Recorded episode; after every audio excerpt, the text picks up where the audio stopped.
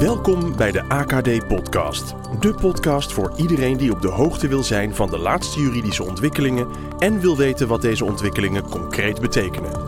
Rond de uitbraak van het coronavirus hebben wij een speciale podcastserie gemaakt. Want de impact van de uitbraak van het coronavirus is enorm. Uiteraard humanitair, maar ook voor de economie en voor uw organisatie. AKD praat u in deze podcast bij over de impact op het gebied van staatssteun. Goedendag en welkom. Mijn naam is Tom Binder, advocaat Europees en mededingingsrecht bij AKD. Vandaag bespreek ik welke mogelijkheden de Nederlandse overheid heeft om staatssteun te verlenen aan de ondernemingen die worden geraakt door de economische gevolgen van het coronavirus. Veel ondernemingen kampen met acute liquiditeitsnood, nu de vraag naar goederen en diensten in sommige sectoren volledig weggevallen is. Met het oog op het Europese staatssteunverbod is de vraag in hoeverre de lidstaten deze ondernemingen mogen ondersteunen.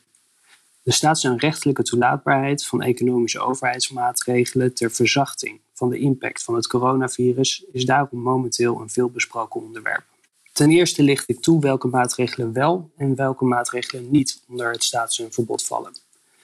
Ten tweede ga ik in op de tijdelijke kaderregeling die de Europese Commissie op 19 maart jongsleden heeft aangenomen. Onder deze kaderregeling zal zij vijf soorten staatssteun als verenigbaar met de interne markt beschouwen, om zo de lidstaten in staat te stellen hun economieën draaiende te houden. Ten derde en ten laatste sta ik meer uitgebreid stil bij één van de vijf mogelijkheden waarin de tijdelijke kaderregeling voorziet, namelijk het verlenen van staatssteun in de vorm van overheidsgaranties voor leningen. Dan nu eerst het staatssteunverbod. Dat is vastgelegd in artikel 107, lid 1 van het werkingsverdrag. Als uitgangspunt is het voor de lidstaten verboden om met staatsmiddelen bepaalde ondernemingen of bepaalde sectoren te begunstigen, voor zover deze begunstiging de concurrentie kan vervalsen en het handelsverkeer tussen de lidstaten ongunstig kan beïnvloeden. Dit verbod is echter niet absoluut, want de Europese Commissie kan haar goedkeuring verlenen aan staatssteun. Daarom moeten voorgenomen steunmaatregelen in beginsel eerst worden aangemeld bij de Europese Commissie. Het staatssteunverbod ziet alleen op maatregelen waarmee op selectieve wijze voordeel wordt verschaft. Het gaat hier om een economisch voordeel dat de onderneming of de sector onder normale marktvoorwaarden, dat wil zeggen zonder overheidsingrijpen, niet had kunnen verkrijgen. Naast het verlenen van een positief economisch voordeel, zoals bijvoorbeeld een rechtstreekse subsidie, ziet het verbod ook op het verlichten van economische lasten, zoals bijvoorbeeld een belastingvrijstelling doet. Maatregelen van zuiver algemene strekking zijn niet selectief en vallen daarom niet onder het staatssteunverbod. Waar de Nederlandse overheid op 17 maart jongsleden besloten dat alle ondernemingen de komende drie maanden geen belasting hoeven te betalen, zal dit bijvoorbeeld niet worden aangemerkt als staatssteun. Zo'n maatregel hoeft daarom niet te worden aangemeld bij de Europese Commissie. Daarnaast zijn bepaalde categorieën staatssteun vrijgesteld van de aanmeldingsverplichting. Dit is bijvoorbeeld het geval voor zogeheten de minimumsteun. De overheid kan per onderneming over drie belastingjaren tot 200.000 euro aan steun verlenen, zonder dat daartoe de goedkeuring van de Europese Commissie nodig is. Dit biedt ook mogelijkheden in de context van het coronavirus. Zoals gezegd kan de Europese Commissie ook haar goedkeuring geven voor het verlenen van staatssteun. Of met andere woorden, de Europese Commissie kan staatssteun als verenigbaar met de interne markt beschouwen. Daartoe bieden artikel 107 lid 2 en lid 3 van het werkingsverdrag verschillende mogelijkheden. De Europese Commissie heeft een aantal van deze mogelijkheden verder uitgewerkt in richtsnoeren en mededelingen. De tijdelijke kaderregeling, die ik nu zal bespreken, is daarvan een voorbeeld. Deze kaderregeling is gebaseerd op artikel 107 lid 3 sub b van het werkingsverdrag. Daarin is bepaald dat steunmaatregelen om een ernstige verstoring in de economie van de lidstaten op te heffen, verenigbaar met de interne markt kunnen zijn. In de tijdelijke kaderregeling heeft de Europese Commissie uitgewerkt welke vijf soorten steun zij onder bepaalde voorwaarden zal goedkeuren. Dit zijn de volgende soorten steunmaatregelen. Ten eerste steun in de vorm van rechtstreekse subsidies, selectieve belastingvoordelen en voorschotten tot maximaal 800.000 euro per onderneming. Ten tweede steun in de vorm van overheidsgaranties voor bankaire leningen. Ten derde steun in de vorm van rentesubsidie voor overheidsleningen. Ten vierde steun in de vorm van garanties en leningen die rechtstreeks via banken worden verleend. En ten vijfde steun in de vorm van kortlopende exportkredietverzekeringen. De tijdelijke kaderregeling voorziet dus in een flexibele toepassing van de staatssteunregels om de economische repercussies van het coronavirus het hoofd te kunnen bieden.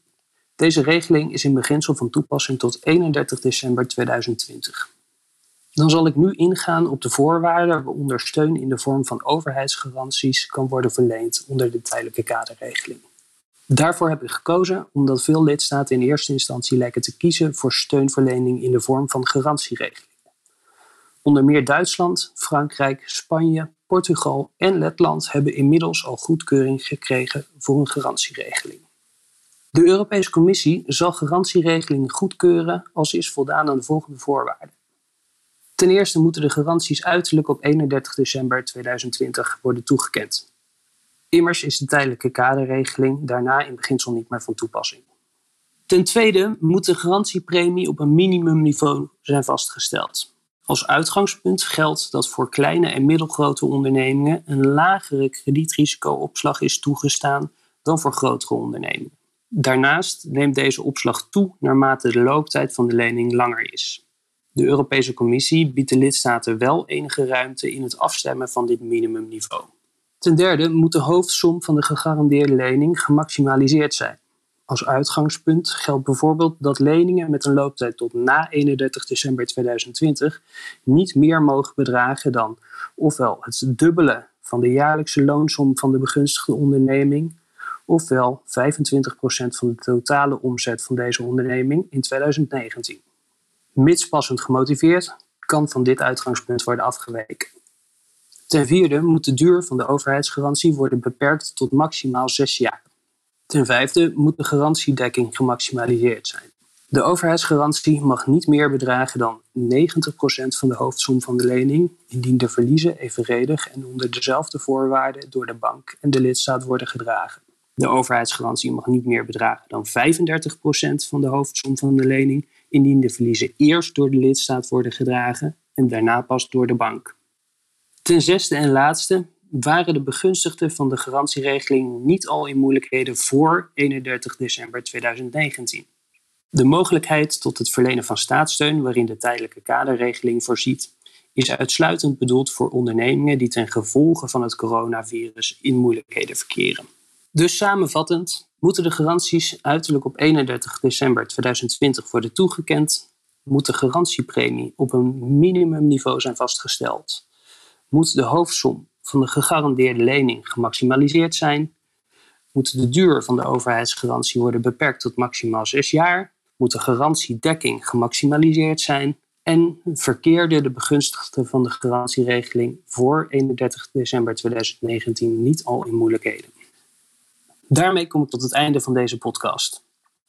Het staatssteunrecht biedt de lidstaten veel ruimte om ondernemingen die worden getroffen door de economische gevolgen van het coronavirus te ondersteunen. De tijdelijke kaderregeling vormt daarin een belangrijke aanvulling. Indien u vragen hebt naar aanleiding van deze podcast, kunt u via e-mail of telefoon contact met mij opnemen. Mijn contactgegevens zijn te vinden op onze website www.akd.nl. Veel dank voor het luisteren en tot een volgende keer. Dit was een podcast van AKD.